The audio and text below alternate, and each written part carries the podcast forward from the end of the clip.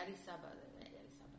הוא נפטר, עדיין יש לי, הוא עדיין סבא שלי. נכון. לא, לא פיזית. נכון. שיש משפט שהוא תמיד אמר, וזה נשאר לי, נשאר אצלי.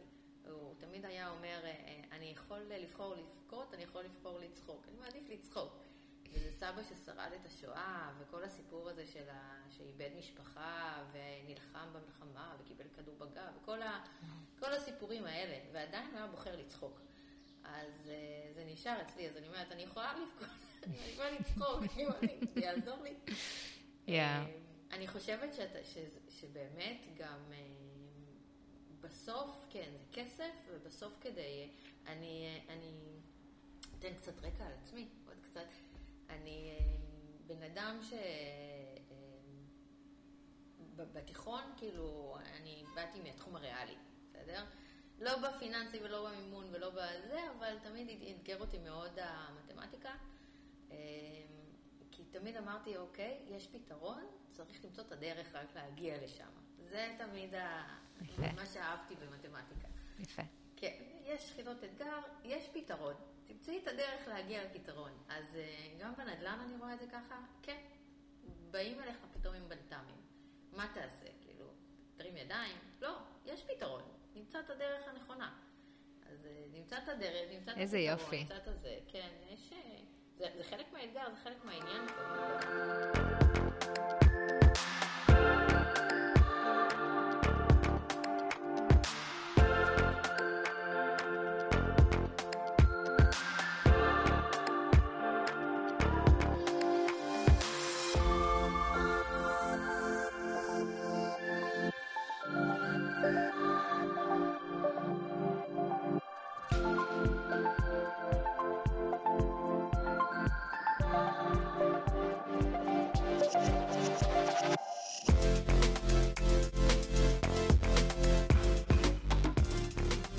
מירב רגב וייסבלוט.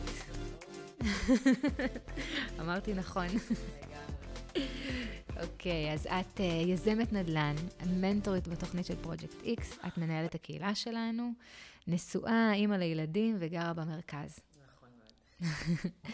ספרי לנו, ספרי לנו קצת עלייך, מאיזה עולם הגעת? וואו. הגעתי מעולם שהכי רחוק מנדל"ן. אני 20 שנה בערך בכל העולם של אסטרטגיה שיווקית, עבדתי במשרדי פרסום, הייתי 7-8 שנים בערך בשטראוס, מנהלת אסטרטגיה שיווקית, לימדתי בבינתחומי אסטרטגיה שיווקית. כל עולמי היה אסטרטגיה, חשיבה לרחוק, לא חשבתי בכלל פיננסי, לא חשבתי בכלל כסף, נדל"ן. עד שיצאתי לעצמאות, יצאתי לפני... תשע שנים לעצמאות, גם כן בתפקידי יועצת שיווקית ומרצה בבינתחומי. ופתאום כשאתה עצמאי, אתה מתחיל פתאום לחשוב על הכסף, כי אין לך את הגוף הזה שמזרים לך בכל ראשון לחודש או עשירי לחודש את המשכורת. וואו. ופתאום התחלתי להיחשף לעולם הפיננסי ולעולם הנדל"ן. וואו. וכן, זה, זה שינה, לי את ה... שינה לי את החיים, שינה לי את, ה... את התפיסות, שינה לי את איך אני מתנהלת. וואו. שינה המון דברים. אז בעצם מ- מלהיות שכירה בתפקידים של, בתחום האסטרטגיה השיווקית, הפכת להיות עצמאית באותו תחום. כלומר, נכון. עברת לייעוץ? נכון, כן. אחרי הרבה הרבה שנים שבאמת עבדתי בתור שכירה בכל מיני מקומות, הגיע השלב כזה שרוצים לעשות שינוי בחיים, אתה אומר, אני רוצה עכשיו לעזור לעסקים קטנים, אני רוצה לעשות משהו בשביל הנשמה, ויצאתי לעצמאות. לא ידעתי בדיוק מה אני רוצה לעשות, ידעתי שאני רוצה אבל משהו אחר, שינוי כזה. וואלה. כן. מפחיד? לא מפחיד. בעיניי, בעיניי מפחיד יותר להישאר. אין את הפאשן ואת ההתרגשות ואת, ה, ואת האנרגיה של העשייה. כי בכל מקום שהייתי, כן היה לי את הרצון להיות שם. כן. לרצות לעשות. אבל אחרי שאתה עושה משהו כבר שמונה, שמונה שנים, תשע שנים, עשרים שנה, אותו דבר, אתה אומר, אוקיי, מה, מה עכשיו? אני רוצה לקום בבוקר ולהתרגש. אני רוצה לקום בבוקר עם אנרגיה. וואו. אז כן, ואז אני, אני עושה את זה הרבה, שכש, כשאני מגיעה למצב כזה שבאמת כבר לא טוב לי במקום מסוים, או אין לי את העניין, לא לא, לא טוב בגלל המקום, אבל פשוט אין כבר את העניין ואת האנרגיה, אני מחפשת את הדבר הבא. לגמרי, לגמרי, יולו, you only live once. כן. אז, אה, אז את אומרת שיצאת לעצמאות לדרך עצמאית, ומתוך המקום של, אה, שוב, ייעוץ באסטרטגיה שיווקית, אבל נפתח לך עולם פיננסי. שלא חשבתי עליו בכלל לפני זה. אני חושבת שבתור אה, שכיר, אתה קצת חי בכלוב כזה ובאשליה. שיש את הכסף, והכסף נכנס, ואתה בטוח שמה שיש לך כל חודש ימשיך הלאה, והרווחתי סכומים יפים, וצברתי קרן יפה והכול, אבל לא הסתכלתי על זה בכלל. אה, וכשאתה יוצא לעצמאות, אתה פתאום אה, מבין, ואני חושבת שזה מה שקורה עכשיו להרבה אנשים שנופל להם האסימון עכשיו, mm-hmm. גם החל"ת וגם אה, פיטורים וגם דברים כאלה, אתה פתאום מבין שאתה תלוי במישהו אחר, ושאתה צריך להתחיל לייצר לעצמך את הקרקע, כדי לא להיות תלוי. כדי לעשות באמת דברים שאתה אוהב, ושיש במפרים כאלה בדרך, אתה לא מרגיש אותם. אתה עם אה, רכב שטח, לא מרגיש את הבמפרים האלה. יפה. כן. אהבתי את הדימוי. יפה. כן, אז זהו, שיצאתי באמת לעצמאות, ויצאתי עם קרן יפה, ויצאתי עם אה, באמת... אה, היה לי משכורת טובה והכול, ופתאום בעצמאות אני צריכה לדאוג לעצמי כל חודש, ואני לא יודעת מה תהיה ההכנסה כל חודש. ויש לי איזושהי דירה ברעננה, שקניתי מזמן, לפני 20 שנה, משהו כזה. בכלל לא בראש של משקיע, שום ראש של משקיע לא היה בזה. קניתי דירה לעצמי, וכשהתחתנתי, התחלתי להשכיר אותה. ופתאום המודל הזה שנכנס אה, כסף כל חודש, שלא קשור בכלל לעבודה שלי, ולכמות שעות, ולכמה לקוחות יש, וכל הדברים האלה, אלא אני יודעת שהכסף הזה נכנס כל חודש, פתאום זה החליף לי את הביטחון של המשכורת שהייתה פעם. Mm-hmm. אמרתי, אני רוצה מודל כזה, אני צריכה להתחיל לדאוג. גם התחלתי לקרוא כל מיני מאמרים, התחילו לטרגט אותי כל ה... שזה, שזה מעולה, כן? כל ההתנהלות הפיננסית הנכונה, כל הדברים האלה. כן. ופתאום יורדים אסימונים כאלה, שאתה אומר, אוקיי, אני חייב לדאוג לעצמי לפנסיה. כן. אני לא יכול לסמוך על זה שכשאני אגיע לגיל פנסיה... המדינה פתאום אה, תשלם לי באמת את מה שצריך. הבנתי שיש, התחלתי להבין את, הש, את החישובים שיש מאחורי זה. אה, הייתי קצת בשוק מהסכומים שבעצם אתה צובר, צובר, צובר כל החיים, mm-hmm. ואיזה סכום בסוף אתה מקבל אה, כל חודש. זה ממש ממש ירידה גדולה ממה שאתה רגיל. נכון. אז התחלתי להיחשף לכל העולם. וזה שוק. זאת אומרת, זה דברים שלא מספרים לך. נכון. מעולם לא הסתכלתי, לא הסתכלתי על כסף. לא, לא, לא הסתכלתי על כמה עמלות, אם היית שואלת אותי על, על עמלות שאני משלמת, אני לא יודעת, ריביות שאני מקבלת בבנק, אני לא יודעת, זה פשוט יושב שם. כאילו, מישהו אחר דואג לזה, כן. כן מה שאתה לא דואג לעצמך, מישהו נכון, אחר. זה שם, אתה איכשהו סומך על זה, ואתה לא בודק ולא, ולא עושה שום דבר עם זה. אמ, אז זהו, אז פתאום התחלתי באמת להגיד, רגע, רגע, רגע, רגע, פולדית. פוס. משהו צריך פה להשתנות, והתחילו ליפול לי הרבה אסימונים. כן. וככה הגעתי לעולם הנדל"ן. אמרתי, רגע, אבל נדל"ן, נדל"ן בישראל, חשבתי לפחות, ככה... רגע, רגע, שני, שנייה, שנייה, שנייה. אנחנו, לפני שאנחנו מגיעות לנדל"ן, אני מנסה לחשוב עוד צעד אחד uh, לפני. זאת אומרת, את אומרת, תרגטו אותי. Um, אבל לא מטרגטים אותנו סתם. את, נכון. את, ספרי לי קצת על איפה לדעתך את היית לפני שהתחילו לעוף עלייך כל החומרים האלה? זאת אומרת, מה לדעתך, איפה שוטטת, מה חיפשת? אה, בהתחלה הייתי בעולמות של השיווק, כי זה החוזקות שלי, לפחות מה שחשבתי, זה, זה היכולות שלי. אה, חיפשתי שיווק באמזון, למדתי לעשות אה, אמזון, מכרתי גם... וואלה, וואלה. כן, כן. מה מכרת? צר עולמי היה אז בעולם ההנקה, מכרתי מוצרים להנקה. מצוין. כן, יש היום איזה אלף אנשים שמסתובבים עם אה, רפידות הנקה. השקעתי בעיצוב, השקעתי במיתוג, זה היה יפהפה, אבל אה, לא נהניתי מזה. לא, וואלה. לא באמת נהניתי מזה, כי אמזון אה, משנים את החוקים, ונשארתי שוב פעם בעולם השיווק, ומצאתי שזה לא זה, זה לא מה שאני צריכה. אה, במקביל גם ליוויתי, ליוויתי, סליחה. אה, סטארט-אפ, סטארט-אפ שהיה מיועד גם כן לשינוי תחום הבריאות, של ילדים. חיפשתי באמת את המקומות האלה. גיששתי עם עסקים חברתיים, מאוד מאוד רציתי לעבוד גם עם עסקים חברתיים, התחלתי להכיר גם את העולם הזה, אבל בסופו של דבר הכל נשאר שיווק, ולא היה לי את הפשן שם, לא הרגשתי את זה. כן. אז באמת חיפשתי, חיפשתי את התרומה, חיפשתי את הנפש הרבה זמן. זהו, זה... ומהנפש לפיננסים? כן, אה? זה נשמע הבדל נורא נורא גדול, אבל זה ממש ממש לא, לדעתי. לפחות לא, קודם כל פיננסי מאפשר לך לעשות דברים כסף, אבל אני אשים גם את זה בצד. נדבר שוב על הנדל"ן, קשה לי לא לדבר על נדל"ן. יאללה, לכי על זה. יש משהו בנדל"ן שהוא גם מכשיר פיננסי, וזה נורא נורא נכון, הרבה יותר ממה שאנשים חושבים עליו פה בארץ. זה לא רק בוא נקנה, נשכיר ונקבל את הדמי שכירות. יש המון משחקים, יש המון, המון הזדמנויות מימוניות, או כל מיני דברים כאלה. זה באמת עולם גדול בארצות הברית. נכון. אבל, אבל חוץ מזה יש גם אנשים. אז אני גם מסתכלת תמיד על האנשים שגרים בנכסים שאני מטפלת בהם, ועושה לי טוב שאני עושה משהו לטובת גם האנשים האלה. זאת אומרת, יש הרבה בעלי נכסים שהם, אני לא אשתמש במילה הרעה, אבל איך קוראים לזה באנגלית? סלאם לנדלורדס או משהו כזה, שהם באמת רואים רק את הכסף ולא מתייחסים לדיירים. אז יש הרבה גם נשמה, ויש גם הרבה אנשים, ויש גם הרבה השפעה על חיים של אנשים, גם בעולמות של הנדל"ן. משני כיוונים, גם מהכיוון של הדיירים שאתה שם בפנים, וגם מכיוון של אם אתה עובד עם המשקיעים, אם אתה עושה רווח למשקיעים, אתה בעצם גם כן משפר להם איזשהו משהו בחיים. אז לגמרי. כן, יש פה את הנגיעה באנשים, וכן, יש פה את הנשמה. נכון, נכון.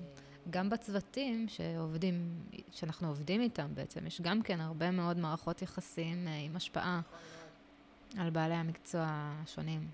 נכון מאוד. יפה. אז, אז בעצם את מדברת המון על, על נשמה. נכון. שזה מתחבר לי פיקס. את מדברת על נשמה בתוך, בתוך היחסים שבתוך הנדל"ן. נכון. גם מהפן של הדיירים, גם מהפן של בעלי המקצוע, גם מהפן של המשקיעים, שאנחנו עושים עבורם את הרווחים. ובאופן כללי, נשמה זה משהו שאני... זה, זה קורה ממך, כאילו, זה all over. אני... אני תכף, אני אשמח לשמוע על הנדל"ן, אבל אני חייבת גם להגיד שבאמת כשאני בתחום של הניהול קהילה, שזה משהו שאת לקחת ובנית אותו בשתי ידיים, אני חושבת שבאמת הנשמה שלך היא כל כך באה לידי ביטוי בתוך הדבר הזה, אמרת גם עשייה חברתית מקודם. אני רק למי שלא מכיר, אספר שבתקופת הקורונה, את ראית את מה שקורה, ובמהירות בזק, ממש, לא התמהמת, גם לא לרגע, לא שקעת, לא נכנסת לעצמך, אלא הדבר ראשון שראיתי אותך זה חושבת על אחרים, על המצוקה של אחרים, ומה אפשר לעשות כדי להטיב את המצב שלהם, ופשוט הרמת קהילה יש מאין, שמתוך האנשים של הקהילה שלנו בעצם הביאו המון תוכן. כדי לתמוך ולעזור וללמד ולחנך ולהקשיב ולתת השראה ורעיונות בשביל אנשים שנמצאים בכל מיני מצבים עכשיו בתקופה הזו. נכון. אני לא חושבת שזה כל כך יש מאין, כי, כי הבסיס של הקהילה זה כבר הרבה הרבה שנים הוא קיים. וגם אני כשאני נכנסתי לתוך, ספציפית גם לתוך פרויקט X, הרגשתי מאוד נוח עם הקהילה. זה, זה משהו נורא... מקסים שקרה לי, שנכנסתי לעולם של הנדל"ן, והכרתי את האנשים שנמצאים בתוך הקהילה, לפני שאני הייתי מנהלת קהילה. והרגשתי מאוד כיף במפגשים שהיו לפני זה, לבוא ולדבר עם אנשים. אתה מרגיש שיש לך שפה משותפת. כאילו, אתה הולך לכל מיני קהילות, אתה הולך לכל מיני מקומות, מפגשים, ולא תמיד יש לך קליק חזק עם אנשים. אצלנו באמת יש פשוט אוסף, אצלנו, אולי יהיו בעולם הנדל"ן בכלל, אני לא יודעת, אני לא מכירה את כל הקהילות שיש, אבל אני יודעת שיש אנשים טובים גם, גם בחוץ, אבל מכירה. אבל באמת יש הרבה אנשים עם... אה, אנשים מקסימים, שהם פשוט חושבים כמוך, וזה אנשים שבאמת בחרו לקחת ולשלוט על החיים שלהם ולשלוט על ההכנסה, וזה כיף לדבר עם אנשים כאלה, אז אה, מראש כאילו יש לי זיקה ופינה חמה בלב לקהילה. כן. אה, אבל זה נכון, בתקופת הקורונה, אני לא יודעת אם את יודעת, אבל ניסיתי, שוב, אני עשרים ומשהו שנה בשיווק, אז האינסטינקט הראשוני שלי היה, בו יש מלא עצמאים, שכאב לי הלב על, על הבום שקיבלו. אה, מלא, מלא בעלי עסקים שפתאום בבת אחת, בום, צריכים לשנות לגמרי את העסק, וזה לא דבר פשוט בכלל. אה, אז אני כאילו ישר, אה, האוטומט שלי היה, אוקיי, בוא נעזור להם בכובע השיווקי. כי המון המון שנים הייתי יועצת שיווקית, ואני מכירה המון אנשים מדהימים בעולם השיווק. אז אמרתי, אולי נעשה marketplace כזה, הקמתי בפייסבוק marketplace. גדול. שהמטרה שלו הייתה ייעוץ בחינם. פשוט ייעוץ בחינם. בואו, תדברו על העסק שלכם, ניתן לכם את כל הרעיונות שאני יכולה לחשוב עליהם, אה, יכולה לחשוב עליהם כדי איך להביא שינוי. שיאללה. אבל, כן, שיאללה, אבל דבר אחד שאני לא יודעת בו, אני מאוד אוהבת לנהל קהילה, אבל להרים את זה, זה היה לי יותר מאתגר. כנראה כל מה שצריך לקרות קורה. אמ, לגמרי. קיצור, אז, אז ראיתי שהאימפקט שלי שם אה, נמוך, כי לא יודעת למה, אבל uh, יש גם משהו מאוד פסיבי. בעלי עסקים, אני מציעה להם, בואו, אני אתן לכם בחינם. כנראה אנשים מעדיפים לשלם על משהו. זה נכון, פסיכולוגית אנשים מעדיפים לשלם על משהו, מאשר לקבל אותו בחינם. אז, אז באתי ואמרתי לצוות המדהים של, של, של, של, הבעלים של פרויקט אמרתי, בואו, אני רוצה גם לקהילה שלנו לעזור. איך, איך אפשר לעזור לקהילה שלנו? כי יש לנו המון אנשים בקהילה שנכון, יש להם גם כובע, המשותף של כולם זה כובע של יזמי נדל"ן, אבל uh, יש להם uh, עסקים, ויש להם, וחלק שכירים ויוצאים לחל"ת. אמרתי, בואו נעזור לאנשי עסקים בתוך הקהילה, בואו נעזור לעצמאים בתוך הקהילה, ובואו נעזור לאנשים בחל"ת, או לאנשים שהבני זוג שלהם, uh, וככה זה נולד. אמרו, יאללה, בואי, קחי, תגידי מה את צריכה, ואנחנו פה. מדהים. וככה זה נולד. מדהים. כל יום, כאילו, כי היה המון חוסר ודאות, והיה המון... חששות ואף אחד לא ידע לאן זה הולך. אמ, אז באמת הבאנו את התותחים הכי גדולים, הבאנו אנשים שמתעסקים בזה שנים, הבאנו אנשים מהקהילה שנמצאים בארצות הברית, הבאנו את רוברט הרבה פעמים, אה, כדי באמת לספר ולהרגיע את הפחד, כי פחד זה הדבר הכי, הכי גרוע, הוא יכול לשתק אנשים. אז אה, ככל שבאמת אתה שומע יותר אנשים שעם ניסיון ושעברו את המשברים הקודמים, אה, ואנשים שחיים בארצות הברית, ואנשים שעושים את זה הרבה זמן, אתה לאט לאט מתחיל להרגיע את הפחד ולחשוב יותר, קצת יותר בהיגיון. ואז באמת אתה יכול לקבל את ההחלטות היותר נכונות. מעבר לזה גם הבאנו אנשים מתוך הקהילה אה, שהם אה, מתמחים בייעוץ מס, שייתנו טיפים אה, לאנשים על מה צריך לעשות, כל הזכויות והחובות, הרי היה ברדק אחד גדול, אתה לא ידעת מה אתה צריך לעשות. אז הבאנו אנשים שידברו גם על זה. על חיד... עדיין אנחנו מביאים, כל פעם שיוצא איזשהו משהו חדש. מה, מה הזכויות, מה החובות, מה, איפה כדאי אה, אה, להירשם עכשיו כדי לקבל את הזכויות שמגיע לך. אה, זהו, לדעתי זה, זה, זה עזר מאוד. זה עזר גם לי, אני מודה, גם ברמה האישית, אבל אה, פשוט באמת להקשיב למה שאנשים צריכים, זה פשוט, אה, לי זה נתן איזשהו, מילא אותי בכזה... אה, אני לא יודעת אפילו במה, פשוט לדעת שאתה יכול באמת לעזור למישהו, כן. זה, זה משמעות אולי? כן, זה סוג של משמעות, כן, מצאתי את המשמעות שלי בקהילה. ואת בטח יודעת, היה, היה כל יום. היה, נכון. כל יום היה משהו. נכון. אה, אבל גם אנשים, אה, נכון שכאילו אני לקחתי וארגנתי את זה, אבל אנשים גם באו ובשמחה באו ושיתפו ודיברו, ואנשים מכל מיני תחומים. אה, כדי באמת לעזור אחד לשני. נכון. וזה מדהים. מדהים, לדעתי. ממש, ממש. וזה ממשיך עד היום. נכון, במינונים קצת אחרים. במינונים אחרים, מותאמים. נכון. לגמרי. מדהים, אני חושבת שבאמת, קודם כל את באמת מדייקת אותי, אה, שהקהילה בהחלט הייתה אה, קיימת וחשובה, ועם הרבה מאוד תרומה משמעותית כפי שהייתה, אבל אני חושבת שבאמת את יזמת שם את כל הוובינרים האלה אה, שהיו, זה, זה חתיכת תופעה. הסתכלתי עליך ואמרתי, וואי, מאיפה יש לה את הכוחות ואת הזמן? לטפל ככה בכזו אדיקות, בכזו מסירות, יום, יום, יום, יום, ולהביא תוכן איכותי לאנשים. אה, אני, את יודעת, אני הייתי, הייתה לי תקופה שאלוהים יעזור. איבדתי את זה לגמרי בהתחלה, עד שהתאפסתי על עצמי חזרה. אה, אז, אז באמת אני הסתכלתי עליך בפליאה כזו, ואמרתי, וואו, את, את כזו תותחית. אה, ובאמת זה מגיע מהמקום הזה של תמיד לחשוב איך, איך אני יכולה לעזור, איך אני יכולה לתת לאנשים. אז מדהים, מדהים. בואי נחצור קצת אחורה עכשיו, אוקיי? תוצא... אני יודעת שאת רצית לדבר על הנדל"ן, ברור, ברור. אז בואו נדבר קצת על נדל"ן. אה, הבנו שבעצם התחלת מהתחום של אסטרטגיה שיווקית כשכירה, עברת לייעוץ אסטרטגיה שיווקית כעצמאית, נחשפת לעולם הפיננסי. אה, פיננסי ונדל"ן הולך מצוין ביחד, ומפה תמשיכי את. נדל"ן. כן.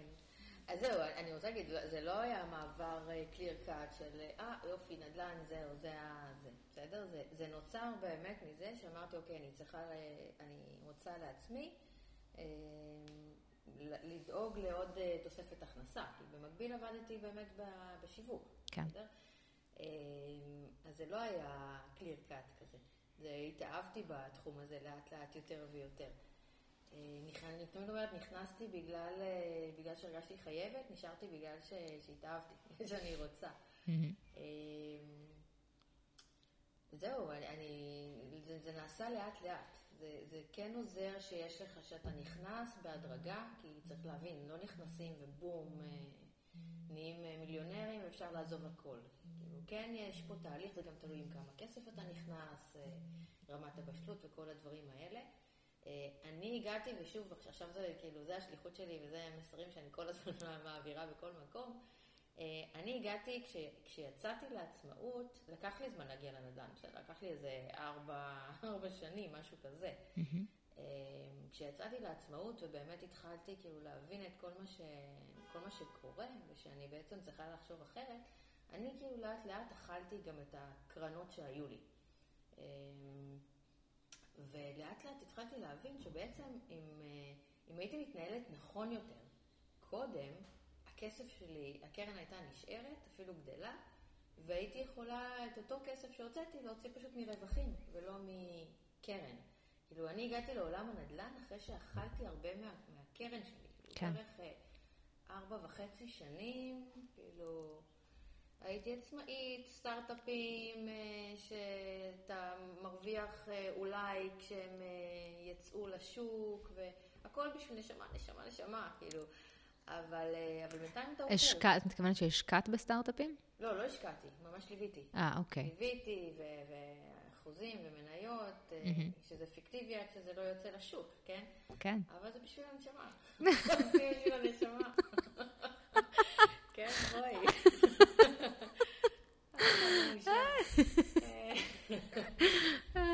את מושלמת.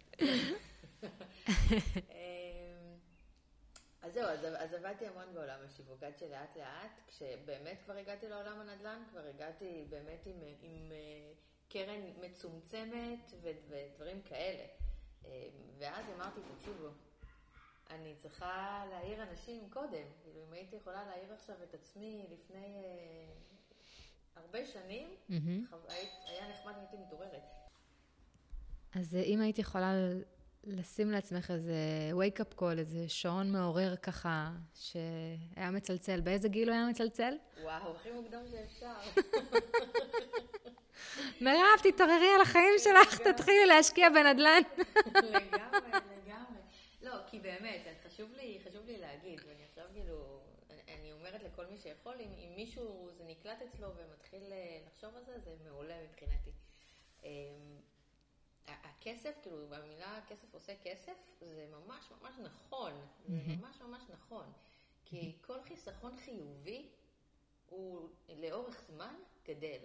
אני אתן דוגמה נגיד את, ה, את הדירה שלי ברעננה, שבאמת קניתי אותה לפני איזה 20 שנה, כי רציתי לגור בבית שלי, אה, ו, וקניתי. והיו לי מלא ויכוחים עם אנשים, אם זה כן נכון לקנות דירה, לא, לא נכון, כולם כאילו, אז אמרו מסביבי, אה, לא, את משלמת מלא ריבית לבנק, משתלם יותר, ל- לזכור ולחסוך את הכסף וכל מיני דברים כאלה.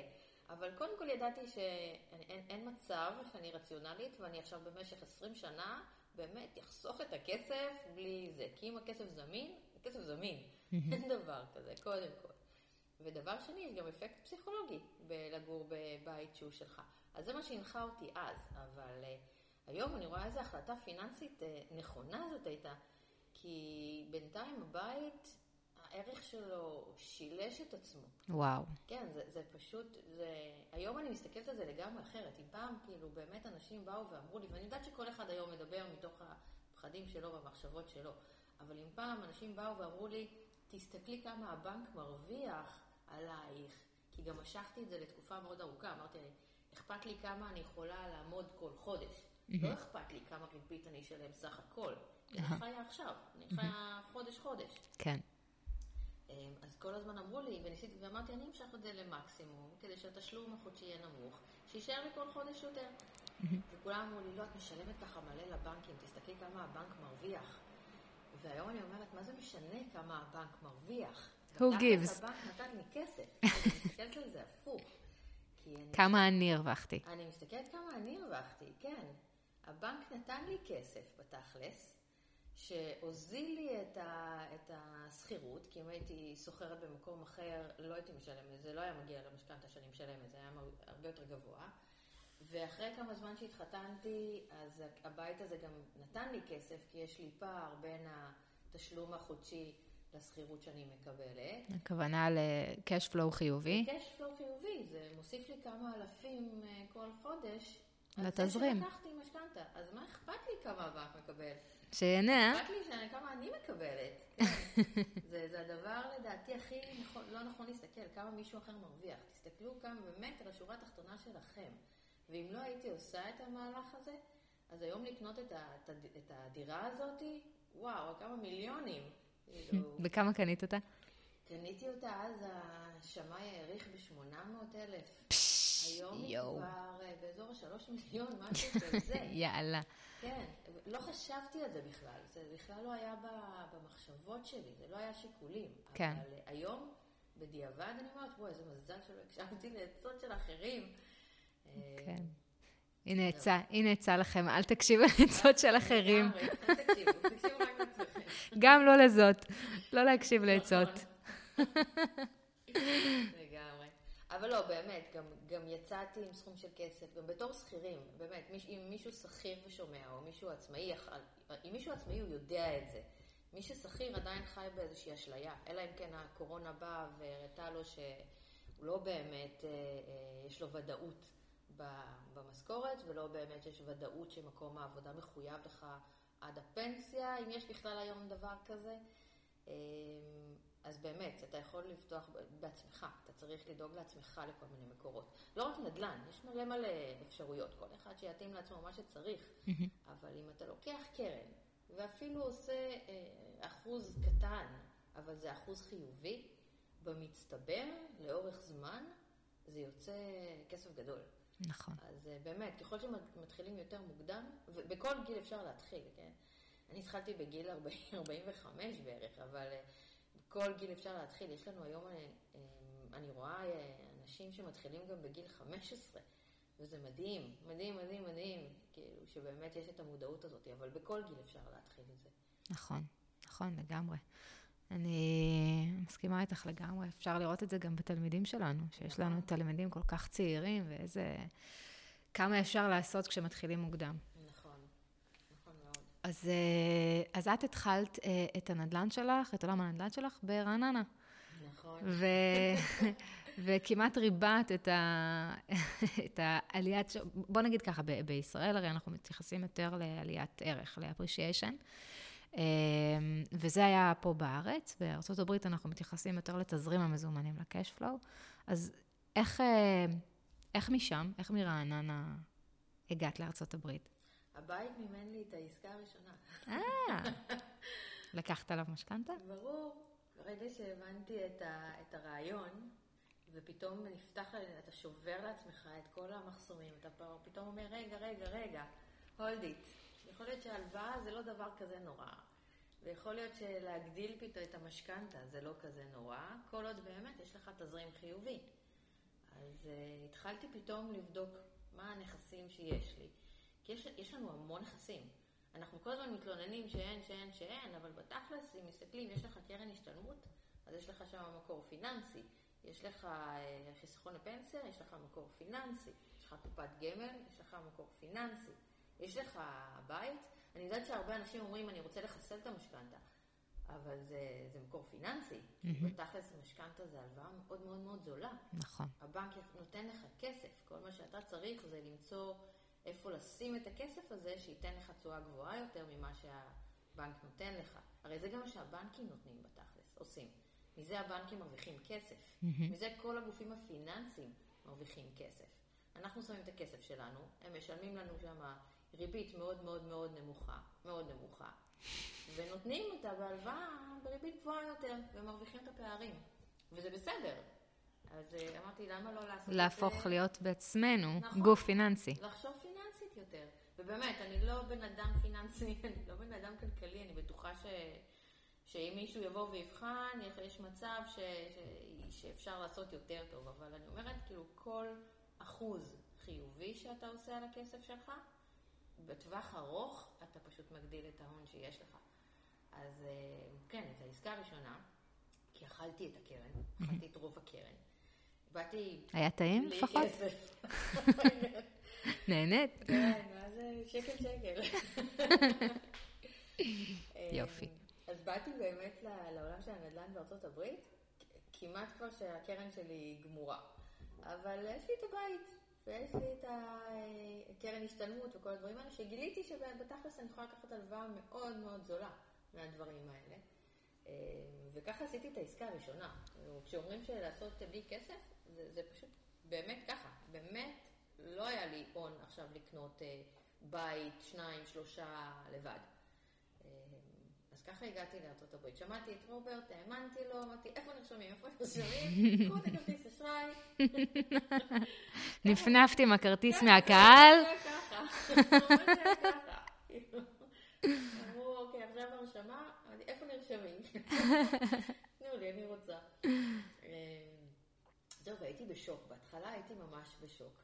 אה, גם ארצות הברית וזה, אבל, אבל כבר הייתי כנראה מבושלת שצריך לעשות אה, משהו, ואני מאוד מאמינה בנדל"ן. שוק ההון, אני לא מבינה בו כלום, אין לי מושג בשוק ההון. ההתנסות היחידה שהייתה לי בשוק ההון זה שפעם נכנסתי כש... באיזשהו מקום עבודה שהייתי בתור סטודנטית, דיברו על איזושהי מניה ואמרו איזה מוצלחת היא. אז כמובן קניתי אותה בשיא. יום אחרי, יום אחרי, היא התרסקה.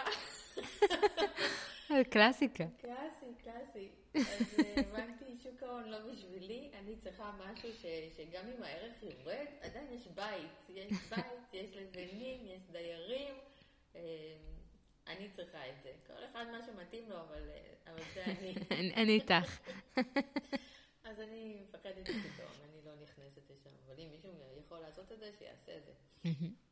בגדול. אה, אז זהו, אז ככה הגעתי לנדל"ן. ובהתחלה, כשהתחלתי, פתאום אתה רואה את המחירי בתים בארצות הברית. ופה בארץ כולם מדברים בדירות, דירות, דירות, אבל שם הבית על הקרקע, אתה יכול לקנות אותו בכלום כסף. אה, באזורים שרוב היזמים עובדים, זה אזור ה-50, 60, 70, 80, אבל יש גם בתים ב-5,000. כן. רק, רק תגידי הזה?" שאת מדברת על נכון. 50, 60, 70, אז אנחנו מדברים על אלף דולר. נכון, נכון, נכון. אני כבר מדברת בדולרים, אני לא חושבת כבר. כן. אמ, נכון, ופתאום אתה רואה בתים גם ב-5,000 דולר, אתה אומר, מה זה, מה זה הדבר הזה? נכון שזה אזורים שאני לא נכנסת ואני לא אקנה לעולם בית ב-5,000 דולר, כי זה באמת לא, לא אזור שלי לפחות מתאים, אבל כן. יש אנשים שקונים גם שם. כן. וזה גם, אבל, זה אה, באמת כאילו mind blowing לראות דבר כזה. נכון, אתה פתאום אה, מבין, אתה פתאום אה, גדל לך זווית, זווית של העולם. כאילו, פתאום ממחירים שאתה מכיר פה בארץ, פתאום אתה רואה שאפשר לקנות בית על הקרקע, עם תשואה שלא חשבת עליה פה בארץ, ב-50 אלף, 60 אלף דולר. יש אזורים אפילו קצת פחות, יש אזורים קצת יותר, עכשיו זה נורא תלוי באזור, אבל זה הפרשים קיצוניים, וזה בית על הקרקע, בית עם גינה. כאילו, הפעם הראשונה, אני זוכרת שהפעם הראשונה שקניתי בית, העסקה הראשונה שלי הייתה בכלל אה, פרויקט השבחה, בסדר? לא באזור הכי גבוה, כי אנחנו, כי תמיד אומרים לנו בתוכנית, זה בואו עסקה ראשונה, תעשו עסקה יותר קטנה והכל, אז אה, שוב, לא באזור הכי גבוה, אבל אזור אה, סביר. ופתאום כאילו בית אחרי, קניתי בית ב-60 אלף דולר. 60 אלף דולר, ופתאום כאילו בפעם הראשונה שקניתי, את אומרת לעצמך, וואו, כאילו, אני גרה פה בישראל בדירה, ויש לי בית, בית על הקרקע בארצות הברית, בשיקגו, כאילו, זה קטע הזוי, זה פשוט הזוי. כאילו, כן, מה זה, מה זה הדבר הזה? איך זה יכול להיות? אה, וכן, וגם אחרי הפליפ, וגם אחרי השיפוץ, מכרתי ב-190 אלף דולר, כאילו, קנו בית משופץ, אה, כאילו, מחודש, רק להיכנס אה, פנימה, ב-190 אלף דולר. כמה היה השיפוץ? גם כן באזור ה-60 אלף, 60 אלף דולר. סך הכל שמת 120 אלף דולר? לא שמתי לבד, שמתי עם שותפה. אוקיי. Okay. עסקה ראשונה גם עם שותפה. מעולה. כן. אז בכלל טוב, אז, אז בעצם שמת, שמתם 120 אה, אלף דולר, והבית נמכר ב-190. כן, אבל יש עוד הוצאות של החזקה וכל מיני דברים כאלה, שמנו באזור ה-130, 140. כמה זמן? בכמה זמן זה קרה? וואי, אני כבר לא זוכרת. שאלה מעולה. בגדול, לא חייב להיות מדויק, זה חצי שנה, שנה? לא, אה, קצת פחות משנה. קצת פחות. תשעה, עשרה חודשים, משהו כזה, 11 חודשים. כן. אמ, משהו כזה. מדהים. כן. איזה כיף, איזה כיף של עסקה ראשונה. אה, כן. שוב, לא היה לפי הציפיות ולא היו מספרים בומבסטיים, כי כן היה שם כל מיני בלת"מים, אבל כן היה רווח, ואמרתי, וואלה, כאילו, נחמד הדבר הזה. נחמד. ואז נפתח בעוון. ואז אתה ממשיך הלאה.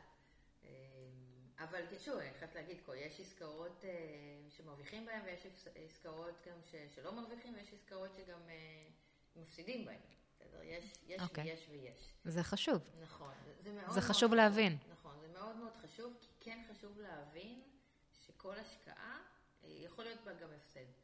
בסדר? נכון, זה סיכוי מול סיכון. גם אם זה הפסד שזה אפילו משער הדולר.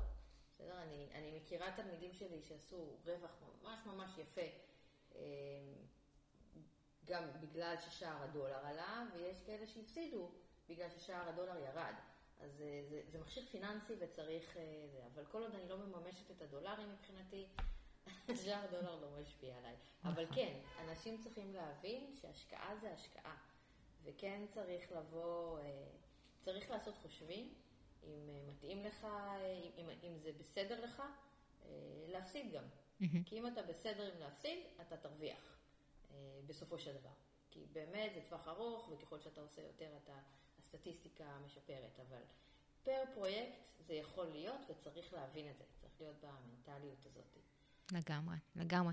זה גם באמת נכון, היינו קצת, את יודעת, אני שומעת שאנחנו שתינו קצת יותר חומלות עם נדל"ן, אבל זה באמת אה, נכון לכל השקעה. זאת אומרת, גם בשוק ההון, אם, אה, לא, אם קרה והתפשל או התפקשש, כשאתה מבין מה אתה עושה ואתה יודע, למרות שעדיין יש לי העדפה ברורה לנדל"ן, אבל, אה, אבל כן, זה נכון, בעצם חלק, חלק מההצלחה זה לדעת שיש גם לפעמים פלופים ונופלים, ולהבין שאנחנו עושים פה איזשהו ניהול סיכונים, אבל בסופו של דבר יש, יש סיכונים, נכון. כמו שיש סיכויים. נכון.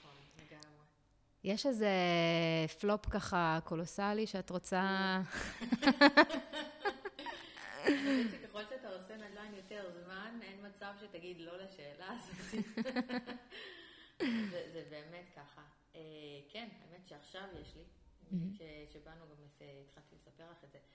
אה, הפלופ הכי גדול, אני חיה את זה עכשיו, אז זה כואב לי. אה, זה פשוט איזשהו flip שהתחלתי אה, לפני, ה... אה, לפני הקורונה. flip זה פרויקט השבחה. פרויקט השבחה, נכון, שקונים, משפצים אה, ומוכרים. התחלתי את זה לפני הקורונה, אה, והיו כל מיני בלת"מים. לפעמים אנחנו לוקחים אה, מרווח של בלת"מים לכל פרויקט, אבל כמות הבלת"מים שהיו לי פה בפרויקט הזה, זה פשוט היה מטורף. גם במצב שרגיל, לפני הקורונה, אני, אני אספר קצת, איזשהו נכס שקניתי, קניתי אותו באזור ה-60-70, גם כן אותו דבר, היה צריך להיות שיפוץ של 60-70, ומכירה של 190 פחות או יותר, פחות או יותר גם באותו אזור, ואזור מבוקש. אמ, ולקחתי קבלן של 30 שנה, אמרתי, אין, אני מוכנה לשלם יותר לקבלן, אה, אבל שבאמת תהיה עבודה טובה. אה, והקבלן הזה גם אמר שיש לו הרבה קשרים בעירייה, כי הוא 30 שנה, יש לו, אפשר לעשות כל מיני, לזרז תהליכים והכול. זה בשיקגו? כן, בשיקגו. רק מה קרה? היו בחירות בשיקגו, התחלפו כל אנשי הצוות שם, נעלמו הקשרים.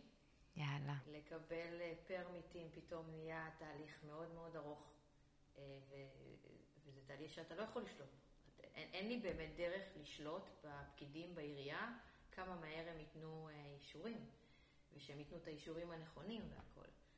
אה, ואז היה כבר מראש איזשהו עיכוב אה, בקטע הזה.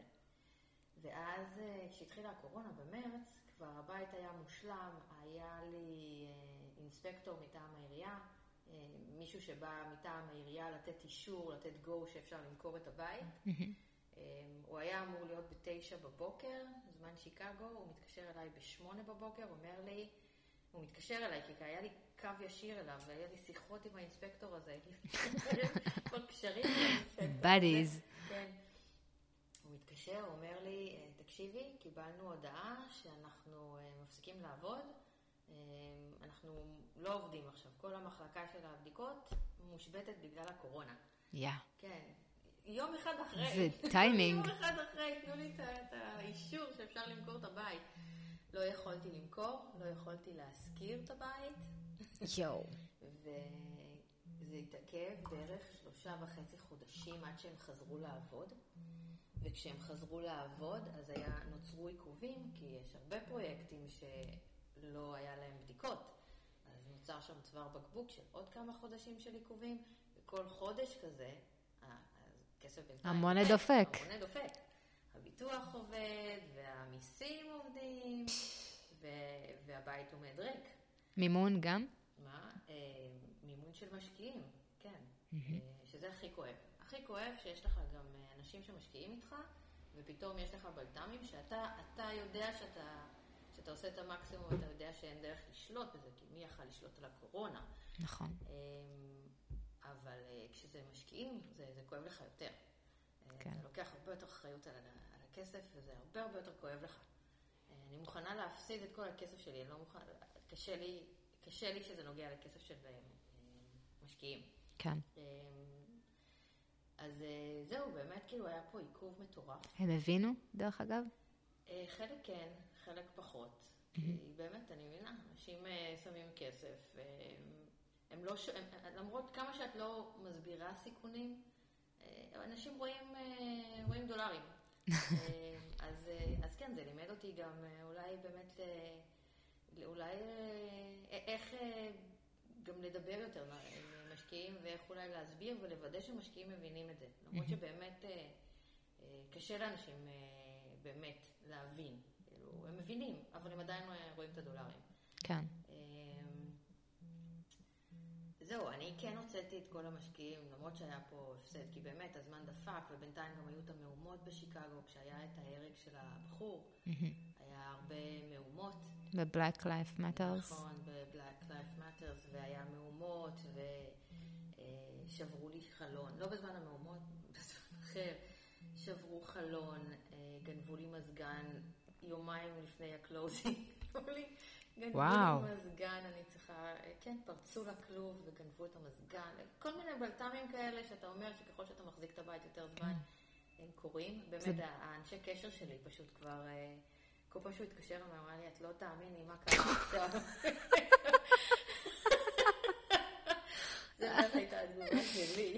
זה באמת, אה, זה באמת מרשים, אני, כאילו, מה עוד יכול להשתבש? אתה- זה דברים שאתה לא יכול לדעת, כי אין לך באמת שליטה על הכל. נכון, והקורונה הזאת באמת עשתה לי פה עיכוב מטורף, מטורף. כן. אמ, ואיך יצאת מזה, בסופו של דבר? מכרתי. אחרי שהם חזרו לעבוד, התחלף האינספקטור גם, זה שהיה לי איתו קשר. ואיך המתווך שלי אומר, הגיעה מישהי שקמה על צד שמאל, הגיעו לי יום אחד חמישה אינספקטורים מהעירייה, כל אחד אה, בדק משהו אחר, את החשמל, את הפלאמינג, את הבנייה. כולם העבירו את הבית, חוץ מהאינספקטורית של החשמל, אה, והחליטה שהיא רוצה שאני אפתח את כל הקירות בבית, בית שעבר שיפוץ. וואו. שאני אפתח את הקירות, כי היא רוצה לראות מה יש מאחורי הקירות.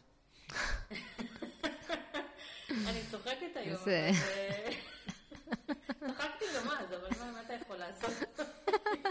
ככל שאתה מנוסה יותר, אני חושבת שאורך הזמן שאתה מרשה לעצמך לצחוק מתקצר. אתה...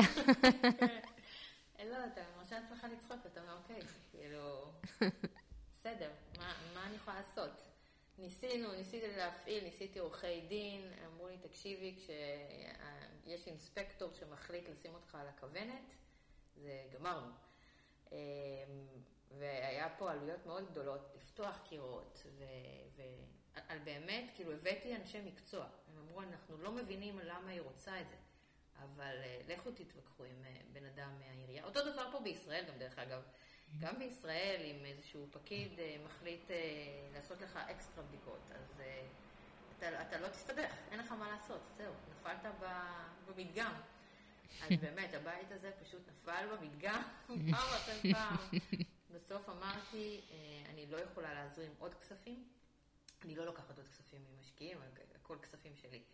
אה, אמרתי, אני לא יכולה להזרים לזה עוד כספים. אני מוכרת את הבית אה, ככה, as is, הוא כבר משופץ קומפלט, זה רק עניין של אה, עירייה. אה, וזה גם לא בטוח, דרך אגב, שהייתה פותחת את הקירות, ו... וזה כנראה היה עובר חלק. אבל, אה, אבל העלות שלה לפתוח את הקירות ולסגור את הקירות ולעשות עוד פעם צבע ו- וכל הדברים האלה, זה כבר היה יותר מדי. אה, והעדפתי פשוט למכור, לספוג את ההפסד. את המשקיעים הוצאתי עם, אה, עם רווח דולרי. אה, כן היה ירידת, ירידת שער דולר, אבל זה באמת משהו שגם על זה אני, אין לי דרך לשלוט על זה. נכון. ובאמת אנשים יכולים לה- להחליט אם הם רוצים לשמור את הדולרים ולחכות שיעלה או לא. זה עוד מכשיר פיננסי. אבל הוצאתי אותם עם רווח, ספגתי את ההפסד ולמדתי המון, למדתי המון. אני כן יכולה להגיד שמטעויות כאלה, או לא טעויות, מ- מבלת"מים כאלה אני אקרא לזה, כי כל אה, בית יש לו בלת"מים, יש דברים שאתה לא באמת יכול אה, לצפות. נכון. אה, פשוט לומדים. זה גם שינה לי את האסטרטגיה, זה אה, גרם לי לשים המון המון הגנות נוספות על אה, פרויקטים שאני נכנסת אליהם עכשיו. אה, זה הביא לי אנשי קשר חדשים, כי בזמן קורונה, כשיש יש אנשים, פתאום אתה יכול לראות מי האנשים שבאמת אה, לצדך ומי האנשים שלא. אה, היה לי מתווך מאוד אקטיבי, מאוד, אה, מאוד פעיל, שהוא היה תותח, אבל בזמן הקורונה הוא נבהל. הוא נבהל, הסתגר בבית ו... ו... ולא היה שם בשבילי. אז מהר מאוד החלפתי, הגעתי למישהו תותח שעשה המון והביא לי אנשי מקצוע וממש ממש ממש עזר לי המון. אה, והיום אנחנו כבר חברים, אז אה, גם מצאתי אנשי קשר חדשים, מצאתי אה, קבלנים חדשים, מצאתי אנשי מקצוע הרבה יותר אמינים. אז כל דבר כזה בסוף מלמד אותך ומביא אותך למקום אחר, אבל זה... אז זה, זה אחד מה... מהנקודות ה... שאני פחות אוהבת בנדל"ן.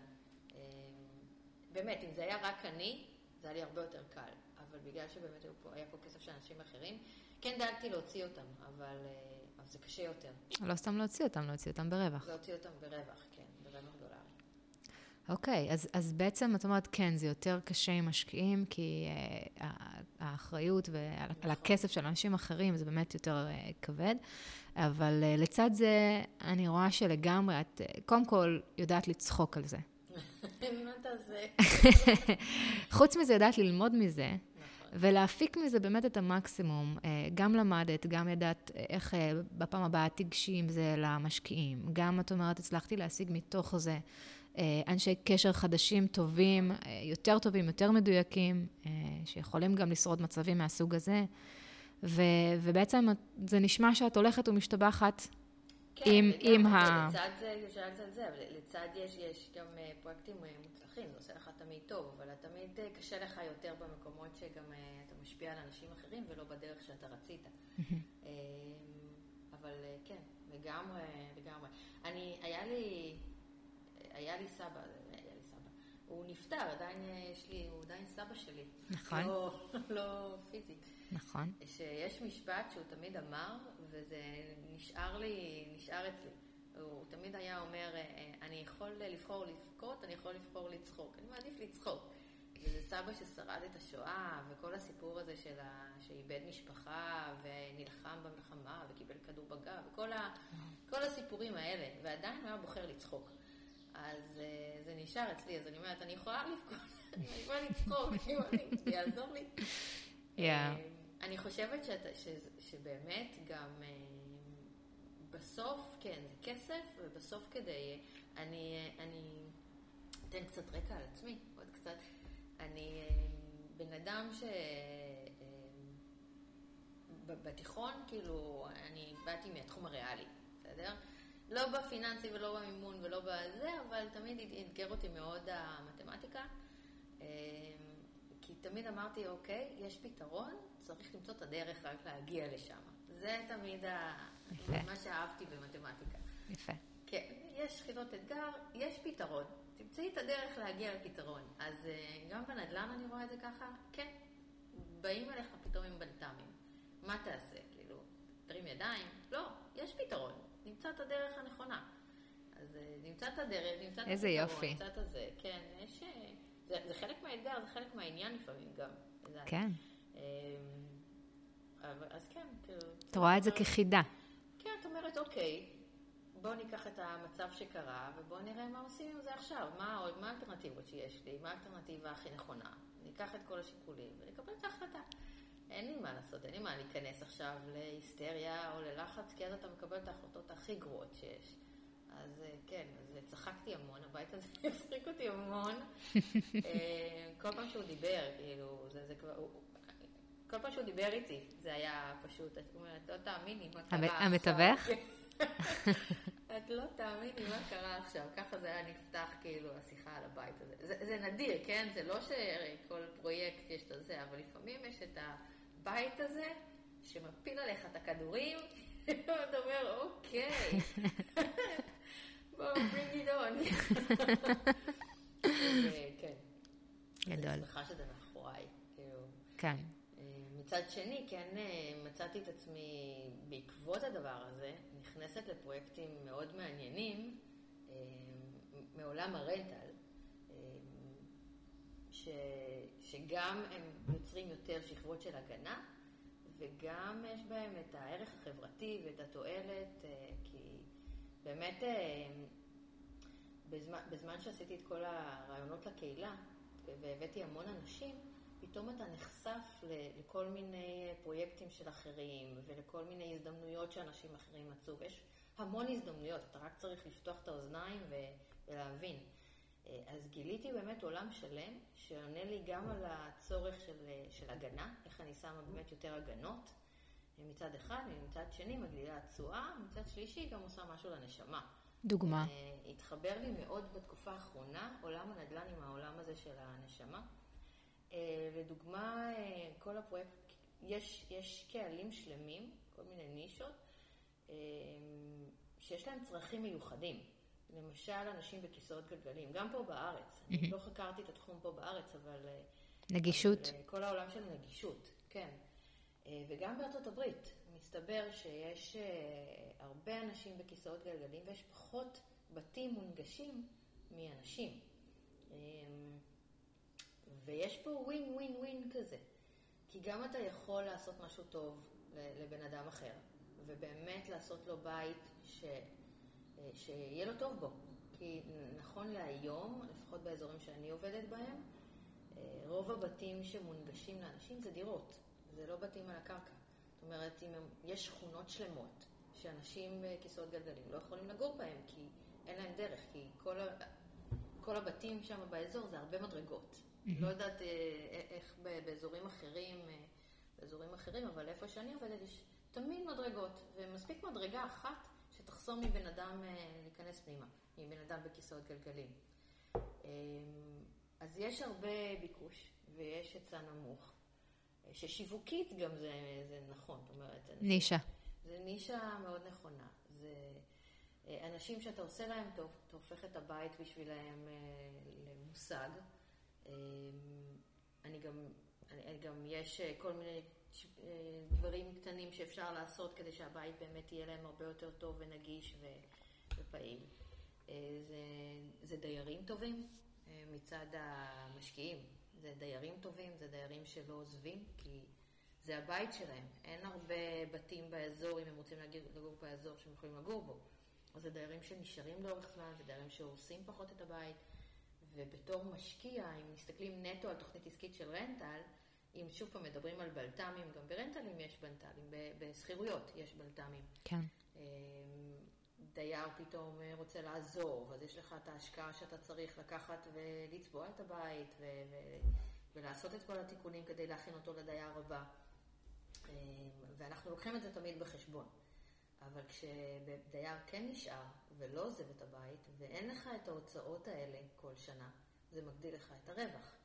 לגמרי. פתאום גיליתי, גיליתי נישה כזאת שהיא ווין ווין ווין. מה גם שיש דיירים כאלה. גם איפה שאני עובדת קיבלתי פתאום הודעה, כי יש לי דיירים שנתמכים על ידי התוכנית של Section 8, שנתמכים על ידי הממשלה. כן, זה סובסידיה של נכון. הממשלה. ופתאום כשגיליתי את הנישה הזאת, מה זה פתאום? כנראה אתה נפתח להזדמנויות, קיבלתי מייל בתור בעלת בתים כאלה, שיש צורך כזה בבתים מונגשים בשיקגו. ושמוכנים גם לעזור בשיפוצים, והם הולכים לתת רנט גבוה יותר מהשוק. יפה. אז את אומרת, וואו, כאילו, הכל מסתדר בפאזל הזה פתאום. מדהים. אז זה הרבה הגנה. זה גם הגנה כי אתה מקבל שכירויות מגוף ממשלתי, ולא רק נטו מדיירים. כן. זה גם הגנה כי אתה יודע שהשכירות שאתה תקבל היא שכירות גבוהה יותר. גם משתתפים איתך בעלות, חלק מהעלות של השיפוץ. וגם יש לך ביקוש גבוה לנכסים. אז זה פרויקט מדהים. לגמרי. אז זה הפרויקטים עכשיו שאני יותר הולכת לכיוון שלהם. פרויקטים, שוב פעם, צריך להכניס את הנשמה לתוך הפיננסי. יפה. אבל כשזה מסתדר גם וגם וגם, זה הביזנס. זה מדהים איך זה תמיד עובד ככה. ממש, כשאתה, כשאתה נותן יותר, וכשחשוב לך לתת את הערך הזה, את הבנפיץ של מעבר, ואתה נכון. מתוגמל על זה בצורה כל כך אה, ישירה. נכון, נכון. אני יכולה גם לספר על, על עוד, עוד פרויקט שלא קשור לפרויקט כזה, אבל הנכס הראשון שקניתי בתור שכיר, להשכרה. לא לפליפ, הנכס הראשון שקניתי להשכרה, אה, קניתי אותו, וכשעושים את כל הבדיקות הייתה שם כבר דיירת, דיירת מבוגרת בת 82, היא כבר הרבה יותר מבוגרת מזה, אבל שתחיה, כמו שאומרים. הללויה. כן, שתהיה בריאה. אה, ו- והנכס הזה, קניתי אותו, ואמרו לי שכירות 1,400 דולר, שזה שכירות גבוהה. אה, אבל סיפרו לי את הסיפור, שזאת דיירת בת 82, אני אוהבת לשמוע את הסיפורים של האנשים גם שמאחורי זה. אה, שזו דיירת בת 82, ושהבעלים הקודם עשה לה כל מיני הבטחות והקפיץ לה את השכירות הרבה יותר גבוה מהשוק. אה, וקניתי, והיא לא ביקשה את זה ממני, לא ביקשה שום דבר, אבל אה, אני הרגשתי שלא נכון לי להחזיק נכס שאני יודעת שהדיירים שם משלמים גבוה יותר, וזו אישה מבוגרת, ואני רוצה שתחיה טוב, תחיה בשלום, ושיהיה...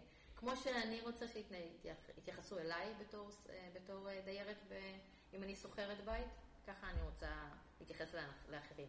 יפה. אז הורדתי לה את השכירות, הורדתי לה שכירות. איזה יופי. כן. זה, זה ממש מרגש, זה באמת מרגש לשמוע. היא, היא לא ביקשה, פשוט הורדתי לה כי אני צריכה לישון עם עצמי בלילה, ואני רוצה לישון טוב. אבל אני, רוצה, אני יכולה להגיד שבדיעבד, אמ, זה אחד מהבתים הכי רווחיים שיש לי, כאילו, באמת, זה, זה, אני לא רוצה אפילו להגיד את התשואה, כי באמת לא לפתוח עין רעה, אבל באמת, כאילו, אחד הבתים הרווחיים, כי היא שומרת על הבית, והיא, והיא חיה, והיא לא בקשיים כלכליים, כי היא מקבלת פנסיה, ונשאר לה מרווח גם לחיות. אני לא לוקחת לה, לקחתי לה את כל הכסף כנראה שיש לה. אה, והיא ממש שומרת, ואין לי תיקונים כמעט שמה, והיא לא עוזבת, אז, אה, אז זה יפה, זה כבר, אה, כבר כמה שנים, שזה אחד הבתים הרווחים שיש לי. מדהים. אז אני באמת באמת חושבת, אני יודעת שזה תמיד נשמע כזה, זה חברתי, ו, ותסתכלו על הדיירים, אבל אני חושבת שחייבים להסתכל על הדיירים, כי דייר שטוב לו מעבר לזה שאתה גם צריך עם עצמך להרגיש טוב. אבל אה, דייר ש, שטוב לו, נשאר. זה, זה, דייר שנשאר יותר זמן, זה דייר ששומר לך יותר טוב על הבית. אה, נכון, אתה תרוויח יותר מזה, אבל, אה, אבל תסתכל גם על הבן אדם, ואז אתה תרוויח הרבה יותר, לדעתי. מסכימה עם כל מילה. מדהים. זה, זה מדהים, וזה גם כיף לראות ש- you walk your talk. את, uh, את חיה את זה, את מדברת את זה, אבל את, אבל את גם באמת, אשכרה מורידה שכר דירה לדיירים, כשאת מרגישה שזה משהו שנכון לך ונכון לעשות. גם פה בארץ. האמת, כאילו, בקורונה, בזמן הקורונה, דווקא הדיירים שלי בארצות הברית, אה, כמעט כולם היו בסדר גמור, וכל התחזיות אימה שדיירים ינצלו את זה שאי אפשר לפנות והכול. קודם כל בשיקגו גם ככה לפנות לוקח מלא זמן. כן. אז אני חושבת שהדיירים שם כבר רגילים לזה. אבל uh, ברגע שאנשים מרגישים בית, הם נשארים בבית ומשלמים. כן. דווקא פה בארץ, uh, היה לי מקרה עם הדיירת שלי פה בארץ, כי גם פה בארץ אנשים, שוב פעם, אנשים עצמאיים, uh, הייתה לי דיירת שהיא קוסמטיקאית, ועצרו, עצרו, לא, לא יכלה לעבוד. למרות שהיא כה חיונית. כן. לא יכלה לעבוד, סגרו את המכון שהיא עובדת בו, אני לא יודעת כמה אם היא עשתה התאמה או לא עשתה התאמה, אני באמת לא נכנסתי לה לתוך הכיס, אבל כן. כשהיא באה וביקשה אה, הנחה ולהתחשב אה, בתשלומים, אז, כן. אז, אז אתה מבין, כי זה בסוף אנשים. נכון. אז נכון, נכון שאני לא לקחתי וגלגלתי את זה הלאה, אבל... אה, כן. אבל אם אני יכולה, אז... גם אז אנחנו, גם אנחנו הורדנו את השכר דירה לכולם, גם למי שלא ביקש, לגמרי. אני מסכימה איתך, אני גם חושבת שזה באמת הדבר הנכון לעשות. עם כל זה שאנחנו אנחנו אנשי עסקים, ואנחנו עושים נדל"ן, ואנחנו עושים רווחים נעים, אבל עדיין אנחנו בני אדם, קודם, קודם כל. אז uh, מדהים. את סיפרת מקודם על סבא שלך, שנתן לך השראה ושהולך איתך uh, עם הדרך חיים הזו של uh, לצחוק. יש עוד אנשים שאת יכולה לחשוב, שככה מלווים אותך, נותנים לך השראה? מכל אחד אתה מקבל משהו. תכלס, אם אתה באמת מסתכל על זה, מכל אחד אתה, אתה מקבל השראה. בין אם זה השראה לאוקיי, איך אני אשפר משהו, כי ככה לא, לא הייתי רוצה להיות, או בין אם זה השראה של וואו, כאילו, איך הם התמודדו. אני כן יכולה לספר על האבא שלי, אם אני אתחיל לבכות ואני מתנצלת. זה מותר. יש לי קרינגו שבוכים. מותר. כן, אבא שלי נפטר לפני, אה, ב-2013, כמה זה, שמונה שנים, משהו כזה. אחרי שהוא התמודד אה, ארבע וחצי שנים עם מחלת הסרטן. אה, וכמו שיש את הבית הזה שאמור לעבור בקלות וזורקים עליך פתאום 20 אלף כדורים, אז גם אבא שלי, אה, היה לו סרטן שמסתכלים על הסטטיסטיקה, זה סרטן קל, ש... אבל הוא היה בחמש אחוז הלא קל, שחטף את זה קשה. אמ, וגם שם נתנו לו בהתחלה פחות משנה לחיות, והוא חי ארבע וחצי שנים. וההתמודדות שלו עם זה, זה הדברים שאני לקחתי. כי אמ, פתאום, כאילו, אמ, אתה, אתה אומר לעצמך, וואו, כאילו, עם בשורה כזאתי, איך בן אדם חי, ואבא שלי מההתחלה בא ואמר, לא אכפת לי הסטטיסטיקה, אני זה אני, חי כל יום, ממשיך אה, זה, גם כשהרופאים חשבו שמה הולך לעבודה, הוא היה לוקח כדור אופטלגין והולך לעבודה, כי בעבודה הוא שכח מזה.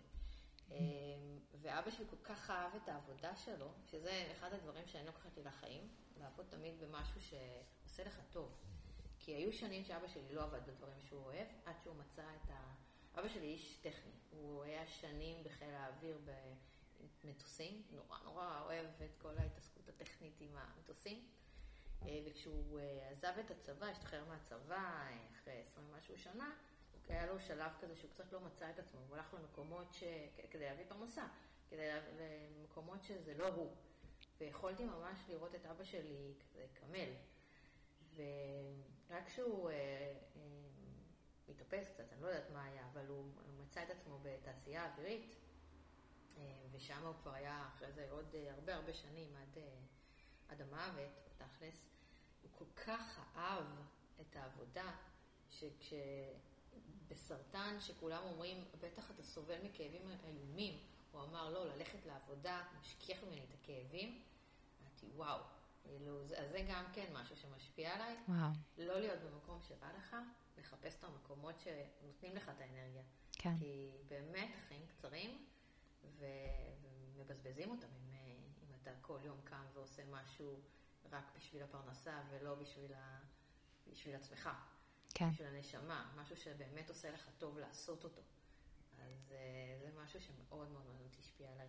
וגם אמרתי את זה, אה, הוא עבד ממש ממש ממש עד הרגע האחרון, אבא שלי. אה, זה מה שעזר לו.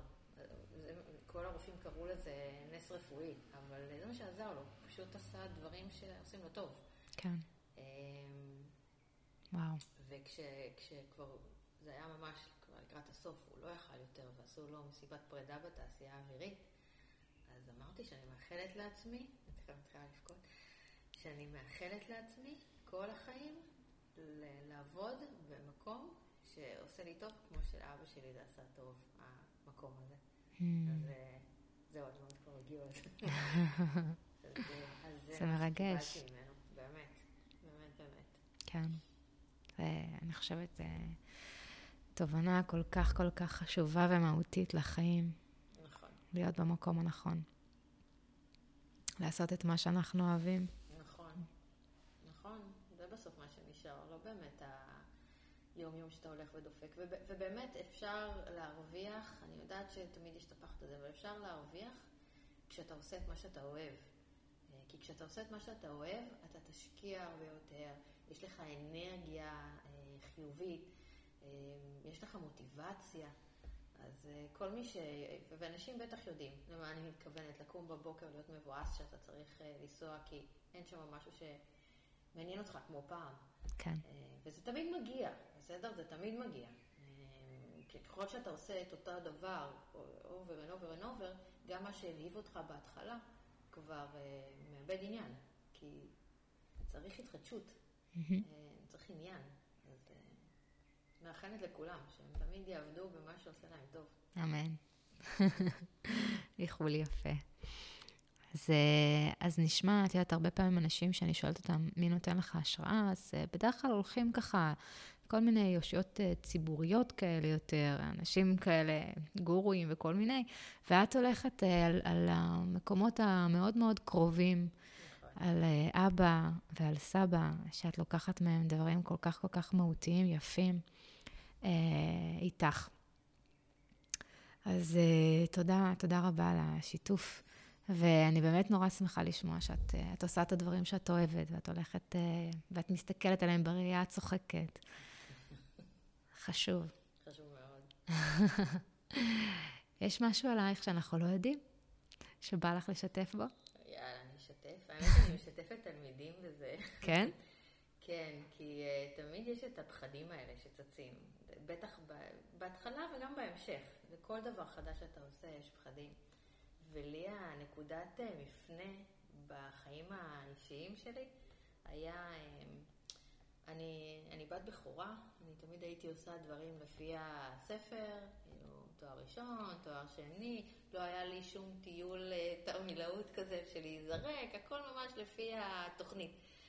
אה, ולפי התוכנית הגעתי לעשות אה, תואר שני בארצות הברית, שזה היה לי כאילו הדבר הכי רחוק מעצמי, כי אני מאוד מאוד קרובה למשפחה.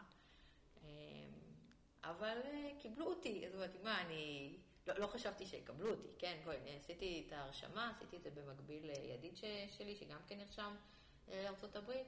אמרתי, יאללה, נראה לי מגניב, כאילו... אה, אבל לא, היה לי אפס אמונה שאני אתקבל. ובכל זאת, ובכל זאת שלחת את טפסי ההרשמה. כן, לא, לא זה, זה לא מה זה. וזו הייתה אחת החוויות הכי גדולות שהיו לי בחיים, כי זה פתאום לבוא לגור במקום שזה לא השפה שלך, אתה לא יודע אפילו איך אומרים אקונומיקה, כאילו, כדי לנקות את השירותים. פתאום אתה צריך לנקות, אני הייתי ילדה של בית. אמ, כאילו זה היה ממש אה, חוויה, וצברתי המון, הכרתי המון אנשים מתרבויות שונות, כאילו, מאז אני מאוד מאוד אוהבת לדבר עם אנשים מכל מיני תרבויות. אתה רואה כמה אנשים כל כך דומים אחד לשני, מצד אחד, מצד שני אתה שומע על דברים חדשים בעולם, אז אני נורא אוהבת את זה. אמ, ובמהלך הלימודים, אמ, כמה חבר'ה באו והציעו, בואו נעשה קפיצה, skydiving כזה, קפיצה חופשית, בדיוק. ולי יש עוד פחד גבהים. יש לי פחד גבהים מטורף.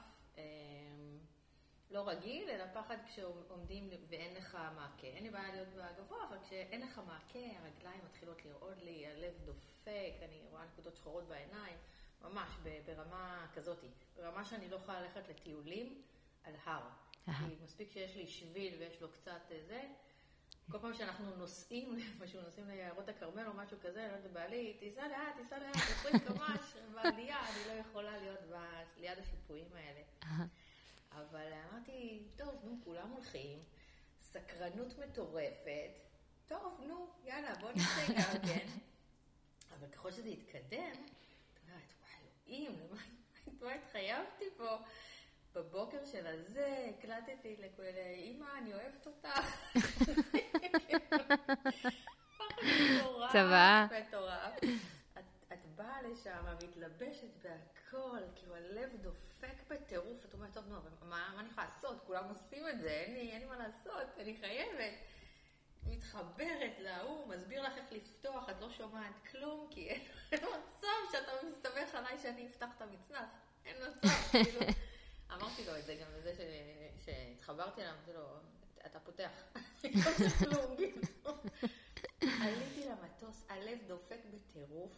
הרגע הכי מפחיד, אני לא יודעת אם עשית את זה או לא. לא. אבל הרגע הכי מפחיד זה שאת יוצאת, והוא עדיין בתוך המטוס, ואת עם הגוף שלך לקחתי גם צלם, יש לי תיעוד מהמורה, אני שמחת על זה. אני יצאתי החוצה צורחת, כאילו, את הנשמה בקטע הזה, ואז כאילו נופלים למטה, אבל לא באמת מרגישים נפילה. את פשוט באוויר. והתחושה, כאילו, אחרי שאת צורחת, ואת אומרת, וואלה, דווקא, דווקא נחמד, דווקא יפה. את צורחת, את צורחת, את לא מרגישה נפילה, אז לא למה את צורחת? את צורחת לפני, לפני שאת נופלת, כי את עומדת באוויר מחוץ למטוס, כאילו, את יודעת שאת הולכת ליפול עכשיו. זאת אומרת, הרגליים שלך עדיין, כפות הרגליים עדיין על המטוס? לא, אני בחוץ מחוברת לבן אדם. יש את הכמה שניות האלה ש... שאת יוצאת ומחוברת אליו, ולרגע לפני שהוא דוחף את עצמו ואתכם ביחד מהמטוס. אוקיי. צחקתי שם. כאילו, באמת, הלב דפק בטירוף, ונקודות לבנות, נקודות שחורות היו לי בעיניים כשנחתתי לקרקע, אבל בזמן שעשיתי את זה, כאילו, כשאת נרגעת מהצרחה, את אומרת, וואלה, דווקא נחמד, אני לא מרגישה נופלת. פתאום את כאילו באוויר, ואת רואה, ואת כאילו נהנית, וזו הייתה חוויה מדהימה, כאילו. אה, והגעתי לקרקע, והלב דפק, ואמרתי, יאללה, אני יכולה לעשות את זה עוד פעם. כמובן שלא עשינו עוד זה. אבל זאת הייתה התחושה שלי של וואלה, כאילו, דווקא... דווקא מדהים, כאילו... מסוגלות. מסוגלות, כן. אבל לא ירד לי האסימון, כאילו, סיימתי את הלימודים וגרתי איזה שלושה חודשים בניו יורק. אצל חברה, והייתי לבד, ויום אחד כאילו ראיתי את הסרט המטריקס, אמ, ופתאום כאילו ירד לי האסימון, ואמרתי, וואלה, בתכלס, כאילו, ממה פחדתי שמה? כאילו, זה היה לקחת את עצמי, לקשור אותי למישהו, הוא קופץ, אני קופצת יחד איתו, ומגיעים לקרקע. ממה פחדתי? כאילו, הייתי מפסידה חוויה מטורפת אם, אם לא הייתי עושה את זה. כן. בלימודים בארצות הברית אמרתי, ממה פחדתי? זה היה כל כך כיף, הכרתי כאלה אנשים מדהימים, כאילו, נחשפתי לכל כך הרבה דברים חדשים, זו הייתה חוויה מדהימה. אמ, ופחדתי לפני זה. כן. ומאז כאילו נהיה לי המחשבה הזאת של, ה... שבתכלס אנחנו מנוהלים על ידי פחדים. אה, ובעצם אנחנו יכולים לעשות כל מה שאנחנו רוצים, וזה רק אנחנו מגבילים את עצמנו. אז אה, היה לי נורא נורא חזק הדבר הזה, ברמה כזאת שאם רציתי להתקבל לאיזשהו מקום עבודה, כאילו אמרתי, אני רוצה להיות, אה, אז רציתי להיות פלנרית במשרד פרסום. כאילו, אני רוצה להיות פלנרית במשרד פרסום. כל מודעה היה כתוב, צריך מינימום שנתיים ניסיון. אמרתי, אין מצב כזה, אני אהיה פלנרית במשרד פרסום, אין דבר כזה. ובאמת נכנסתי לזה, כאילו, קיבלתי את העבודה, רציתי, לה, רציתי כאילו, מקומות שמאוד רציתי לעבוד בהם, קיבלתי, כי לי, המוח שלי כבר היה מכוון של, אין דבר כזה, כאילו, זה, זה פחדים, אין דבר כזה לא, אם אתה רוצה, אתה תשיג, ת, תשיג את זה בסופו של דבר. מדהים. אז אה, זו החוויה הכי מכוננת שהייתה לי. לקפוץ ממטוס עם פחד מטורף. מדהים. אז בעצם להתעמת עם הפחד, כן. ולעבור דרכו. נכון. לצאת בצד השני, נכון. עם תחושת מסוגלות אדירה. ששירתה אותך אחר כך הלאה, גם בהחלטות ובקבלת אה, נכון. משרות אה, שונות, כן. או הגשמת מטרות לאורך הדרך. יש סרטון מקסים של אה, וויל סמית, דרך אגב, שהוא עבר את אותה חוויה, שאני ממש ממליצה לכל מי שיכול לחפש, תחפשו וויל סמית צניחה חופשית או משהו כזה. גדול. אה, ויש לו שם משפט סיכום, שהוא אומר שהדברים הכי מדהימים נמצאים אחרי הפחד. ממ. אז אה, זה פשוט ככה. מכירה. אתה באמת לוקח ועובר את הפחד ומבין שזה רק פחד, וזה לא רציונלי, ואתה לא באמת יודע איך תהיה החוויה אחרי זה, ואולי אתה מפסיד את החוויה הכי מדהימה בחיים, אז באמת אתה מתחיל לחוות את החיים. כן. אז, אה, פחד זה רק סרט על אחת מהאפשרויות העתידיות. לגמרי, זה לא רציונלי, זה אתה מפחד ממשהו שלא קרה עדיין, ורוב הסיכויים שהדבר הזה גם לא יקרה. ואם יקרה משהו, או יהיה זה, תתמודד איתו. זה, בתכלס זה באמת פחות אה, מפחיד. אפשר, אם, אם אני לוקחת את זה לנדל"ן, כי אני מראה את זה תמיד לתלמידים אצלנו בהקשר של נדל"ן, כן. אז מה הדבר הכי גרוע שיכול לקרות? כן, לגמרי. תזרקו, זרקו את התסריט כאילו הכי גרוע, ובואו נראה, כאילו... נדל"ן זה piece of cake לעומת אה, קפיצה, צניחה חופשית, עשית לי טובה. אה, איזה סיפור יש לי עכשיו לספר? לגמרי, לגמרי. אנחנו גם נמצא את הסרטון הזה של וויל סמית ונשים אותו אה, בלינק למטה. מעולה. מדהים, מדהים, מדהים. אז באמת, נראה לי ש, שככה הדרך שאת עשית משכירה בשיווק ליזמת נדל"ן וגם מנהלת הקהילה ומנטורית פה בפרויקט, זה פשוט uh, סיפור מטורף את כל מה שחווית בדרך. Uh, ראינו גם את ההשראה שקיבלת מהאנשים uh, סביבך ומחוויות שאספת. כן. Uh, יש לך עוד משהו שאת רוצה לשתף? דברים שאת אוהבת לעשות חוץ מנדל"ן אולי? אני אוהבת להיות בבית. יכול להיות שזה כולם... מתנגן לי אריק איינשטיין עכשיו ברקע. כן, לגמרי, לגמרי. לא, עם הילדים והמשפחה, וכולם עכשיו עובדים מהבית וכל הדברים האלה. אבל אני בחרתי לעבוד מהבית כשיצאתי לעצמאות. וכולם מקטרים על הזום, אבל בשבילי הזום זה מעולה. כאילו, אני... אין לי את הנסיעות ואת הפקקים והמקומות חנייה וכל הדברים האלה. כן, זה כיף שיש את זה מדי פעם, אבל כשאתה במקום הכיפי וה, והטוב שלך וכל הדברים האלה, זה, זה עושה טוב. אז אני נורא אוהבת להיות בבית, אני אוהבת אה, סתם לראות סרטים, אה, לדבר עם הילדים. לדבר עם הילדים, אתה שומע פתאום דברים כאילו, אתה שומע דברים נאיביים ומקסימים. אה, זהו, פשוט אוהבת להיות עם המשפחה. כיף. איזה כן. כיף. מירב, המון המון המון תודה. היה לי נורא כיף לשמוע אותך. יופי. אני שמחה שגם את נהנית, והיה לי מאוד מאוד מעניין וכיפי. תודה רבה. תודה רבה. באהבה.